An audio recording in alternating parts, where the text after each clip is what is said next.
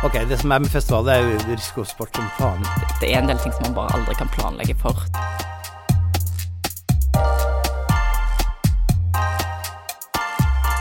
I denne episoden skal jeg undersøke hvordan det går i festivalgrenen av vår musikkbransje. Med meg har jeg først Per Åsmundsvåg, som er bookingsjef for Piknik i Parken og bookingagent i All Things Live. Deretter skal jeg snakke med Tonje Kåda, daglig leder i Øyafestivalen. I motsetning til Øya, som begynner å nærme seg en slags eh, veteranstatus, er Piknik i Parken, eller PIP, en ganske ung festival. Men både Tonje og Per har beveget seg rundt i bransjen nok til at de kanskje begynner å forstå hvordan ting funker. Jeg er nysgjerrig på å høre om hva de har lært av året som har gått, og hva slags magefølelse og inside info de har om fortsettelsen. Podkasten er laget i samarbeid med vår partner Norsk Tipping, med tilskudd fra Fritt Ord, og jinglen dere hører, er laget av Jonas Hibiki.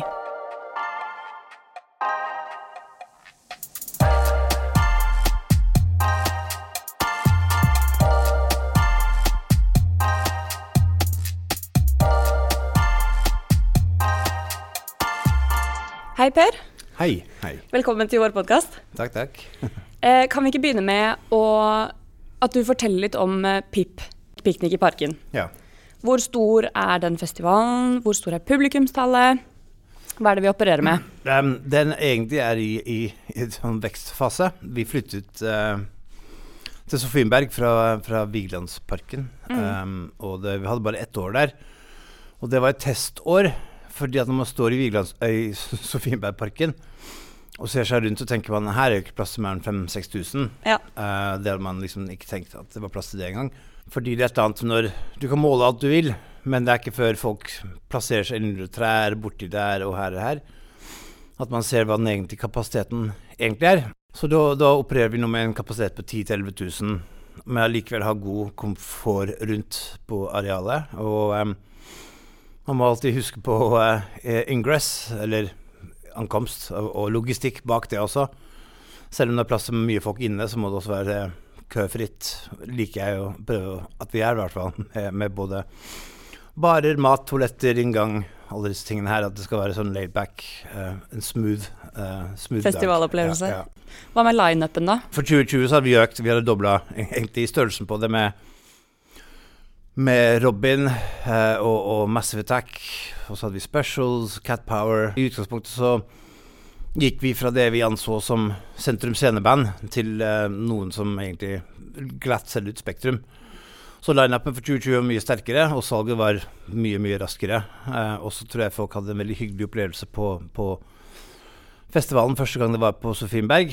Det var kult, man kunne gå rundt i forskjellige soner. Man hadde mulighet til bare sitte og, og, gå til en vinbar, eh, sitte på pledd med noen venner, stå foran og se på band, eller gå rundt. Jeg syns det er en viktig del av en festival å kunne gå rundt og, og få litt forskjellige smaker, sanser og, og ja, stemninger, da. Hvor lang tid er det det tar et vanlig år eh, å planlegge piknik i parken? Um, igjen litt spesielt siden vi, vi, var første gang inn i nytt område. Um, egentlig, hvis man har gjort et område Jeg tror det tar tre år å få finjustert et område. Både med budsjett, eh, kostnader, eh, effektivisering av det uten å gå ut over kvaliteten. Fintune flaskehalser. Um, plassering av ting, hva slags ting, balanse. Du kan ikke ha for mye tilbud, for da er det for dårlig omsetning for de som er der, men du kan ikke ha for mye liksom, Du må finne riktig. Så det tar to til tre år, egentlig, av liksom tre ganger før, før jeg føler man får det perfekt.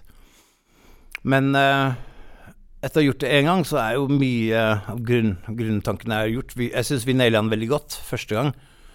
Pluss vi rigget egentlig på to dager etter hans. Nei, vi begynte på tirsdagen.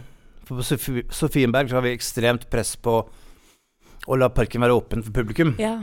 Det var liksom nummer én for oss. For jeg ser jo at uh, når vi sto der litt før, um, så ser vi mengden med folk som går opp og ned gjennom den parken, som har det som sin rute på jobb. Og skoler og masse sånne ting som, som bruker parken. Så uh, nummer én for oss var jo å ha, ha en um, effektiv riggperiode som, som på en måte lot parken være åpen lengst mulig. Men to dager? Jeg tror det. Vi begynte på tirsdag, tror jeg. tirsdag, tirsdag, Det er tre dager totalt. Ja. Tre, tre dager før så kom vi inn for første gang. Mm. Men da rigget vi opp i satellitter. Vi hadde sånne soner som var sperra av, så alle kunne gå gjennom parken på de to stiene som går på tvers. Ja. Frem til torsdagen, hvor vi åpna, faktisk. Så torsdag morgen, så etter den der eh, jobbruten gikk, så stengte vi. Ja, ja, ja. Så um, jeg var veldig fornøyd med hvordan vi fikk til, hvordan det ble effektivt rigget. Uh, minst skånsomt for, uh, for de som bruker parken ellers. Um, så alt det ligger jo der fra før. Um, så å gjøre det igjen er jo egentlig bare Du vet hvor mange meter med gjerder, du vet ansatte, du vet hvor mange frivillige man trenger, og hvor man skal gjøre ting. Så um, egentlig nå, uh, på mitt hue, da, så, så, har jeg tenkt at uh, hvis myndighetene sier til meg i slutten av april at OK, Per, nå skal du go for it. Nå har vi funnet en mirakelkur som alle har, og, og, alle er friske, og alle kan gjøre dette. Så tror jeg vi trenger to måneder for å lage et forsvarlig, fint produkt. Ja, Hvordan er det dere har kommet fram til de to månedene? Um, to måneder er egentlig oh, like mye salgstid, egentlig. Det er egentlig, Men selve vi er, ok, Det er fint med vår bransje, da. Um, det er også kanskje en grunn til at konsertbransjen ble brukt til vaksineringsplanlegging i Amerika, er at vi er ekstremt um, Alle i vår bransje er ekstremt løsningsorienterte. Hive seg rundt. Det er det vi er gode på. Vi er, vi er liksom trente opp i å få et problem klokken halv ti på morgenen med et eller annet ingen hadde tenkt på. Og kvart over ti så er det liksom done. Ja, ja. Uh, løst med gaffateip eller noe, ikke sant. Uh, og, og, på bakgrunn av det, så egentlig Hvis man så bort fra brettsalg og så bort fra alt logistikken med, med band og advancing og prepping og forberedning av det, for det tar jo tid. Du har masse andre folk som skal for, forholde seg til deg. Um, så kunne vi egentlig kanskje gjort det på et par uker, faktisk, med det tekniske. Og bestilling av, av, av, av PA, gjerde, toaletter, telt. Men hva med artistene? Det er mer komplisert. Ja. Meg, eller jo, man kan gjøre det med venstrehåndsarbeid bare for å sette på noe, men for å sette på noe dritfett i et fett rekkefølge. Uh, og har ha en tanke bak, da, for vi liker å tenke. Eller ideen vår er alltid å kuratere en dag som kanskje egentlig Ideelt sett, og det er ikke ofte det skjer, for ting endres jo. Ikke sant? Man kan sende ut masse bud på en torsdag. Si at man hadde Rob, Eller eksempel Robin, da. Ok, vi, vi, vi legger bud på Robin, og mens vi venter på at det budet skal um, ses på, så tenker jeg å ja, det hadde vært fett under Robin, og så sender du bud på det, og så sender du bud på tre-fire andre band som hadde vært- en fin oppbygging. Lat som det er DJ-sett, da, egentlig. At man har starten på kvelden og slutten på kvelden, og alt skal henge i sammen. Det er jo liksom planen. Men så bekrefter jo liksom nummer to-bandet med Nikke Robin, og så, og sitter jeg oh shit, fuck, nå en liten endring her, og så Um, men, men det med band er jo det, er det som er Å få det perfekt, det er vanskelig. Um, og det, det er ikke alltid det går. Noen ganger går det fint. Um, men det er mye for utenlandsband akkurat nå, hvis jeg snakker om i dag. Så selv om et band har lyst til å spille, og selv om de kanskje har lov til til slutt, så må de liksom mange måneder før legge penger på bordet, allerede en knepen økonomi, og garantere for dette. Og da vet ikke om de kan spille engang. Så det er masse problemer som ligger bak, selv om de får lov til å reise inn, selv om de har lyst til å komme inn, og selv om liksom alt er i orden. Um, så, så er det andre problemer det er ting de må bekrefte nå, som ikke de kan gjøre. Norske band er selvfølgelig er jo og, eh, De er her, så de, de er ikke noe karantene, de har ikke noe Så det, det er det jeg ser for meg. Eh, sommeren 2021 blir en fin feiring av norske band, og det er også veldig fint. Det er jo eh, Det er jo det man i stor grad trenger også. ja, og de, heldigvis har vi dritmye fine band. Mm. Så det, så det jeg, tror ikke, jeg tror publikum blir like glad. Men har dere operert med forskjellige um, risikovurderinger og forskjellige utfall? Uh, det, det er mange. Ja. Det er mange både, både på smittevern eh, Det økonomiske, er det forsvarlig eller ikke forsvarlig? Liksom, til hvilket punkt skal vi liksom si at nå er det for risikabelt for oss å, å ta på oss kostnader for at fremtiden er såpass usikker. Um, legg fra deg alt som heter støtte og stimulering. Man må jo planlegge ut fra hva man vet selv, på en måte hva man selv kan gjøre. Um, og det andre kommer, kommer ikke, det, det vet man ikke. Vi har planer for en vanlig drift. Uh, vanlig drift med utenlandsband, vanlig drift med norsk band. Uh, en moderert versjon og en miniversjon. Vi har alle disse Hvor konkret er det dere jobber med de forskjellige planene? Ja, veldig konkret, egentlig. Eh, eller første planen er jo gjort, for den, den, den planen har ligget der noen år nå, faktisk. heldigvis så jobber jeg tett med et bookingbyrå også, som jeg også jobber Absolutt. i på, på sida. Mm. Og um, har god tilgang på, på de fineste norske bandene. Så, det, så den versjon 1, versjon 2 er klare. Og så er det versjon 3 å koke ned um, størrelsen og, og lage kohorter og, og lage soner og, og sånn. Det er også gjort. Rent praktisk er den planlagt. Mindre scene, um, fire soner. Men de sonene er enten 200, 400 sek- Det vet vi ikke ennå. Eh, Budsjettet er gjort på det. Og så er det egentlig igjen tilbake til at jeg jeg vil jo prøve å gjøre planene våre til levedyktige i sin egen, på sin egen rett. da. Men så har vi også en fjerde eller femte idé som ikke jeg vil gå inn på så stor detalj, men en helt mikroversjon som igjen skal kunne bære seg sjøl og bare være en god feiring av musikk, egentlig. Um, basert kun på billettinntektene av de som er der. Har dere noen forventninger til hvilken som er mest sannsynlig nå, eller? Um, pff, vet du hva? Jeg har uh, hatt to år nå med start, stopp, start, stopp. Ja. uh, uh, igjen i min dagjobb jeg, som konsertarrangør så har jeg liksom flyttet Céline Dion tre ganger. Jeg, vi, har, jeg vet ikke, vi har flyttet mellom tre til fire ganger på ting. Så jeg har gitt litt opp med å prøve å, å forutse Og og, skulle spå og spå ting lenger. Jeg, tenk, jeg tenker eh, på 200, kanskje. Og så fire av de 800 mann, kanskje. Men jeg, jeg, kanskje, jeg var den mest optimistiske jeg kjente. Ikke nå lenger. Nei, nå er jeg faktisk til og med jeg begynte å, å, å, å bli litt realistisk.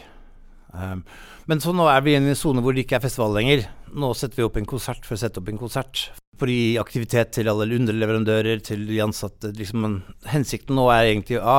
Mental helsen for Oslo. Nummer én. Nummer to er jo å gi jobb, aktivitet til folk som står og tripper, som meg. Uh, om det er lydteknikere, uh, vaktselskap, bar, Uh, produksjonsfolk og ikke minst banda. Ikke? Det er liksom hensikt nummer to.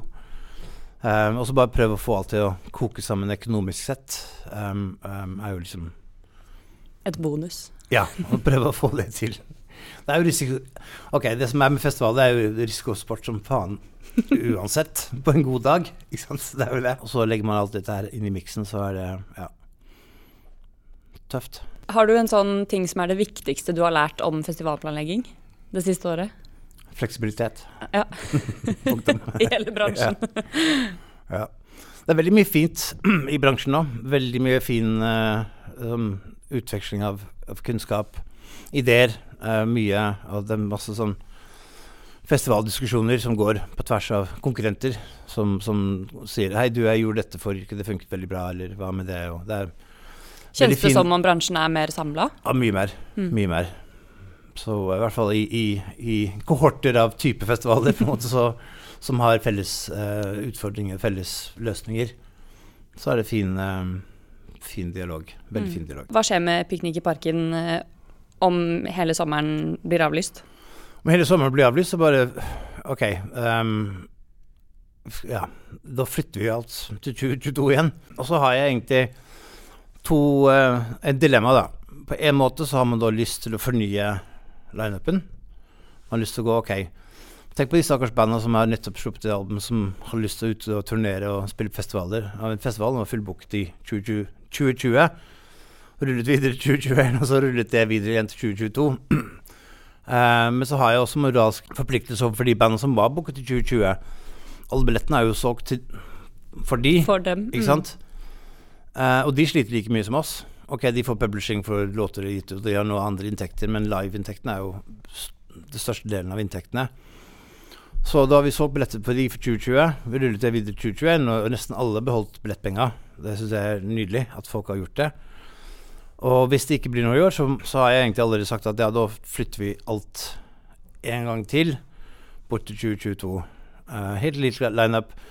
Selvfølgelig så vil noen si ja ja, jeg kommer, men oi shit, nei, um, jeg fikk barn plutselig, eller jeg bytta jobb, eller et eller annet. Ja, ja, så det blir noe frafall, Uh, og da skal jeg selvfølgelig smette med ting som er mer dagsaktuelle, eller fersk, ferskvare, riktig. Uh, men jeg må, jeg, må, jeg syns det er riktig moralsk. Du må også tenke på det, liksom de også Ja, det er spleiselag den veien også. En av de um, største problemene i alt dette er jo de, de minste, som gjerne er de mest kreative i vår bransje. Det er de som lider mest også nå. Og der også kommer Bylarund da som et ansvarlig organ til å passe på at uh, man ikke mister uh, den nye generasjonen uh, som skal opp og frem. Men hva er, hva er dine beste tips for de små festivalene rundt om i landet? Det er bare Eller oppløftende ord? Ja, oppløftende. Bare keep at it. For at når dette åpner igjen, så, så vil det antageligvis være veldig mye folk som står og støtter deg og, og, og kjøper billetter. Og, eh, og det er tøft. Jeg også går gjennom dager med fullstendig optimist og gira eh, til fullstendig tiltaksløs og bare liksom Faen, hvorfor hadde ikke jeg en hobby, liksom? Det skulle jeg hatt nå. Men eh, husk på hvorfor man gjør det man gjør, og, og, og bare keep at it. Absolutt. Ja. Tusen takk, Per. Bare hyggelig. Øyafestivalen, som en av landets aller største festivaler, er ganske omfattende i sin organisering. Og nå har de også kjøpt seg inn i festivalfellesskapet Superstruct. Jeg lurer på hva slags stabilitet det gir, og hvordan det egentlig går med Øyafestivalen. Hei, Tonje. Hallo, hallo. Velkommen til vår podkast. Tusen takk, veldig hyggelig. Kan vi ikke begynne med å snakke litt om Øya som festival? Eh, fortell litt om eh, hvor stort publikumstallet er. Eh, hvor mange artister pleier dere å ha? Litt sånn overordna. Mm. Øyafestivalen er jo en av Norges største og beste, vil jeg si, festivaler innen sin eh, sjanger. Eh, det er en festival som eh, varer i fem dager. Fire dager i Tøyenparken, og så en dag på klubb, klubber rundt omkring i Oslo. Og vi har totalt ca. 100 000 besøkende i løpet av de fem dagene. Eh, rundt 300 konserter eh, med stort og smått. Så ja, det er et, en, en svær greie. En omfattende festival. Ja. Eh, hva med eh, din fartstid i festivalen? Jeg er relativt ny sånn i Øya-sammenheng. Eh, Jeg begynte i 2017. Eh, høsten 2017. Um, og Øyafestivalen har jo vart siden 1999, så, så i Øya er jeg fremdeles en sånn jypling. Eh, hvordan, hvordan er dere som festival organisert? Og hvordan har det vært for dere i en sånn omstillingsprosess som det siste året har vært? Eh, vi er så heldige at vi er ti fast ansatte på kontoret. Så det er jo til festival i Norge å være, så er det jo en ganske stor gjeng med fast ansatte. Eh, og så har vi ca. 270-80 sesongarbeidere som kom kommer inn på ulike tider av året. Og så når det er avvikling i den perioden med opprigg og nedrigg, så har vi rundt 2500-2800 ca. frivillige. Mm. Så, eh, så det er en god kombinasjon av eh, fast ansatte og eh, engasjement og frivillighet. Mm. Dere har jo blitt eh, kjøpt opp eh, av Superstruct. Ja. Hvordan har det, eller, eller har det endret organiseringen deres? Sånn som det gjerne blir framstilt, så er det jo sånn at vi har blitt kjøpt opp av noen rike amerikanere. Men for oss så handler det Det føles iallfall mer som vi på en måte har blitt en del av et Coop. Altså de gamle gründerne i eh, Øyafestivalen har jo vært med og kjøpt seg inn i et eh, festivalfellesskap i Europa. Eh, og nå er vi på en måte en del av en, en festivalfamilie, da. Eh, som er en helt fantastisk eh, ting. Det, vi har, føler at vi har fått styrka kompetansen eh, veldig mye. Vi får liksom sammenligne oss på en helt annen måte med andre. Vi får, eh, altså, vi, vi får forent krefter på en eh, veldig bra måte. Eh, og det har endra strukturen vår her i Norge veldig lite. Mm. Eh, jeg tror den store, største forskjellen er styremøtene, som jo er helt annerledes enn når man hadde styremøter med noen gründere, eh, mens nå er det mer utlendinger og sånt i styret. Men eh, i det store og hele så er vi akkurat likt drevet her i Norge. Vi har på en måte fullt sjølstyre, vil jeg eh, si, og, og ja, helt lik identitet som tidligere, og driftsform og alt mulig. Mm. Mm. Så sånn sett blir det en litt tryggere, mer stabil situasjon på noen måter? Ja, eh, jeg vil si det, det er jo noe med måte, hvordan festival, dette festivalmarkedet har eh, endra seg de siste årene. Så tror jeg at det, det er ganske tungt å stå igjen alene som en eh, ja, egen aktør eh, hvis du skal på en måte lage en internasjonal festival. da. Eh, så det å være en del av en sånn internasjonal familie, det er en, ja, jeg tror nesten det er et, det begynner å bli et slags must i vår sjanger eh, hvis man skal konkurrere internasjonalt om de beste artistene og i det hele tatt. Mm. Er det sånn at dere har operert med ulike scenarioer for planlegging av Øyafestivalen? eh, vi har ikke pleid å gjøre det, men ja. Nå gjør vi det. Mm. um, hva skal jeg si, det har det, det, er jo helt ekstremt usikkert hvordan sommeren 2021 kommer til å bli, og det, hvordan jeg trodde det skulle bli fra august 2020. Hvor jeg tenkte at nå skal vi bare kjøre på å lage verdens beste festival i 2021, og så har man gradvis skjønt at eh, ok, her er det jo en viss fare for at eh, øya ikke kan se ut som øya i 2021 heller. Eh, men det som har vært litt sånn deilig, er jo at vi har i alle fall politiske myndigheter som har, som har, vært ganske tydelige på at de vil heller at vi skal prøve å arrangere noe enn å avlyse. Så det gjør jo at man får en sånn trygghet i å tenke at eh, OK, men vi har i hvert fall lyst til å lage et bra arrangement som øya kan være stolt av. Og så har vi prøvd å se for oss ulike scenarioer som det kan skje innen.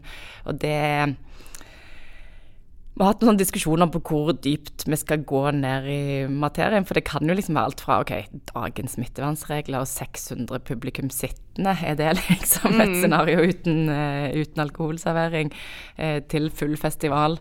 Og så er det jo liksom inni den uh, miksen så kommer jo òg hva med utenlandske artister. Får vi lov å ha utenlandske artister? Er det noen som kommer til å trekke seg? Fordi at Ja. Så det er litt sånn jeg tror at hvis vi på en måte skulle tegnet opp alle scenarioer, så måtte det vært oppi eh, flere hundre tusen eh, ulike scenarioer. Eh, så vi har prøvd heller å liksom tenke litt sånn store linjer, da. Eh, og kanskje noe av det viktigste har vært litt sånn hva skal til for at vi fremdeles skal føle at vi kan kalle oss for Øyafestivalen? Eh, Gå litt tilbake til røttene, sånn sett. Mm, absolutt. Og det er litt sånn, altså, vi kan ikke for eksempel, vi kan ikke si at det er Øyafestivalen og så be folk om å sitte på en stol en tilvist plass i åtte timer. Så det, liksom, det, har, det har gjort eh, Vi har hatt noen sånne øvelser med hva er Øyafestivalen, og hva er viktig for publikummet vårt. Og hvis ikke vi kan gjøre det, så må vi tenke helt annerledes. Ja, Man går tilbake til hva er egentlig hensikten med at man mm. arrangerer. Ja. Sånn har det jo vært for oss også. Ja. Eh, at vi som hovedsakelig møteplass mm må jo få lov til å arrangere en møteplass. Ikke sant. Så da må man jo se på hva, hva man egentlig driver med. Absolutt. Og det, altså konserten er selvfølgelig en superessensiell del av Øyafestivalen, men den møteplassen og god maten og møte venner og Det er jo òg en viktig del av festivalen, og jeg tror eh, ja, vi må klare å ivareta det òg. Hvordan har det vært med organisasjonsstrukturen i disse ulike scenarioene? Ja, igjen så har vi liksom Vi har valgt å ha en litt sånn dynamisk eh, tilnærming, da. Som sagt så er vi litt heldige med at vi er ti stykker på kontoret, så vi har valgt å være i full drift fra eh, rundt 1.9. var vel alle tilbake igjen på kontoret for å planlegge festivalen. Så dermed så har vi jo et ganske godt sånn grunnapparat der. Eh, og så har vi gitt beskjed nedover at folk må avvente litt. Eh, rett og slett fordi at vi, ja, vi, må, vi må se litt an eh, hvor vi kommer. Og det som vi i alle fall vet Vi, vi har snakket måte, med alle avdelingene og sett litt sånn Når må dere starte opp for å klare å arrangere en eh, festival? Og så har vi prøvd å pushe det eh, så langt som vi kan, da. Har dere kommet fram til noe? Hvor lang tid tar det å sette opp Øyafestivalen? Eh, I fjor så ga vi beskjed til myndighetene at vi var nødt til å vite om det ble en avlysning eh, senest 1. mai. Eh, og det er nok litt det samme eh, nå òg, da. Eh, og så er det klart at vi, vi er en såpass fleksibel organisasjon at vi kan fremdeles endre oss etter 1. mai. Hvis vi f.eks. fra 1. mai går i gang med å planlegge full festival, så skal vi alltid klare å nedskalere hvis det skulle bli nødvendig.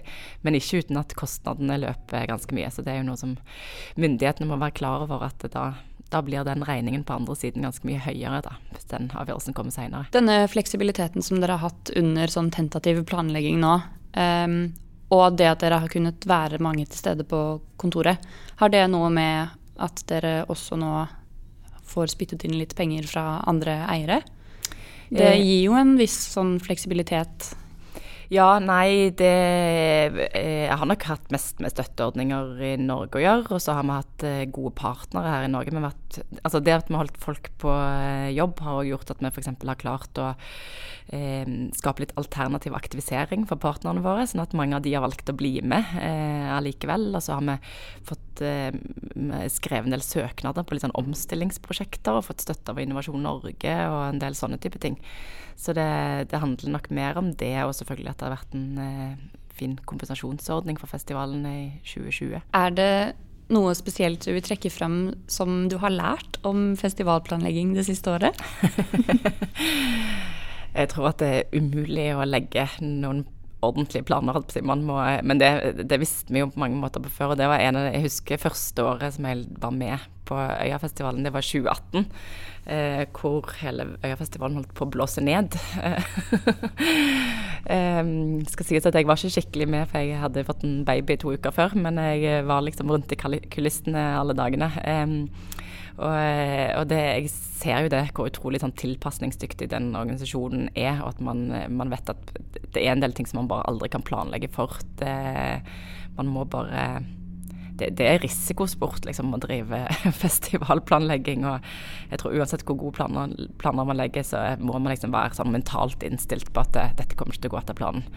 Um, og, og, det er heldigvis en sånn mentalitet som vi har i bunnen fra før av, dammen, som jeg tror Det har jo aldri vært så mange usikkerhetsmomenter ute og går som det er nå. Så det er um, nytt nivå av risikosport, må jeg kunne si. Ja, Og fleksibilitet. Ja, ikke minst. tror du at uh, dette året kommer til å by på noen langvarige endringer i hvordan dere planlegger? Eh, jeg tror i alle fall eh, om ikke hvordan vi plan... Altså, det, er en del sånne juridiske ting som jeg tenker at hele bransjen eh, merker at alle liksom, hver gang man skal inngå en kontrakt, så det, ser folk på kontrakter på en litt annen måte.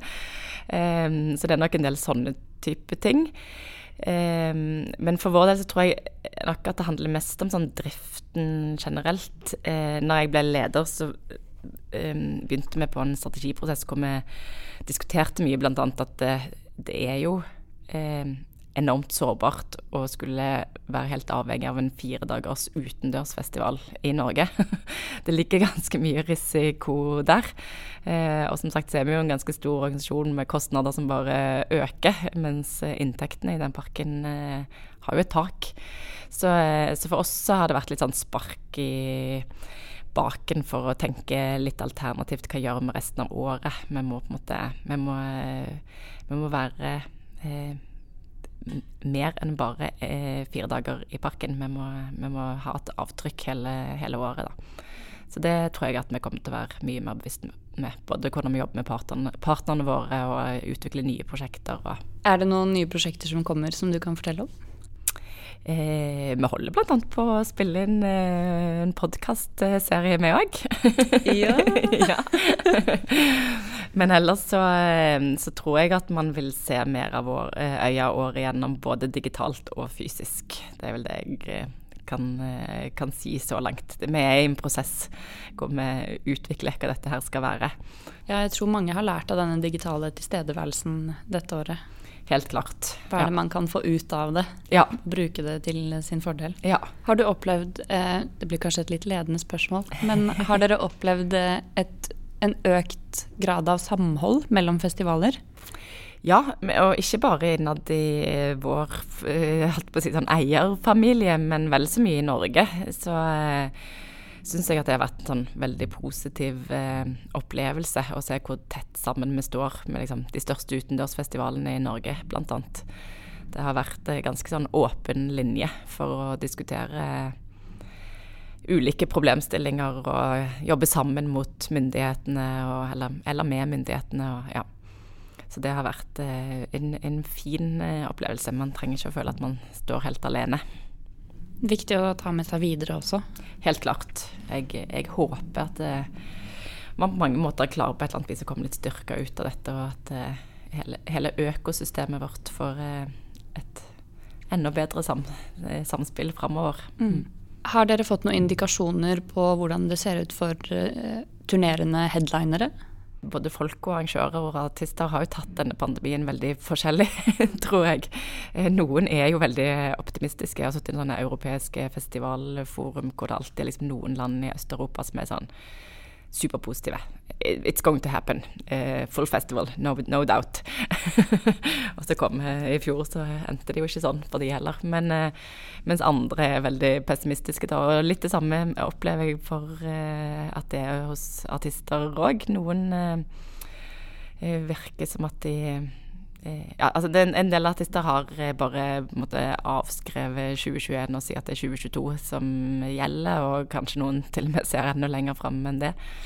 Så ja, nei, det blir spennende å se. Hvordan er dere som organisasjon, da? Er dere positive eller negative? Jeg vil si at vi er en positive, men realistiske.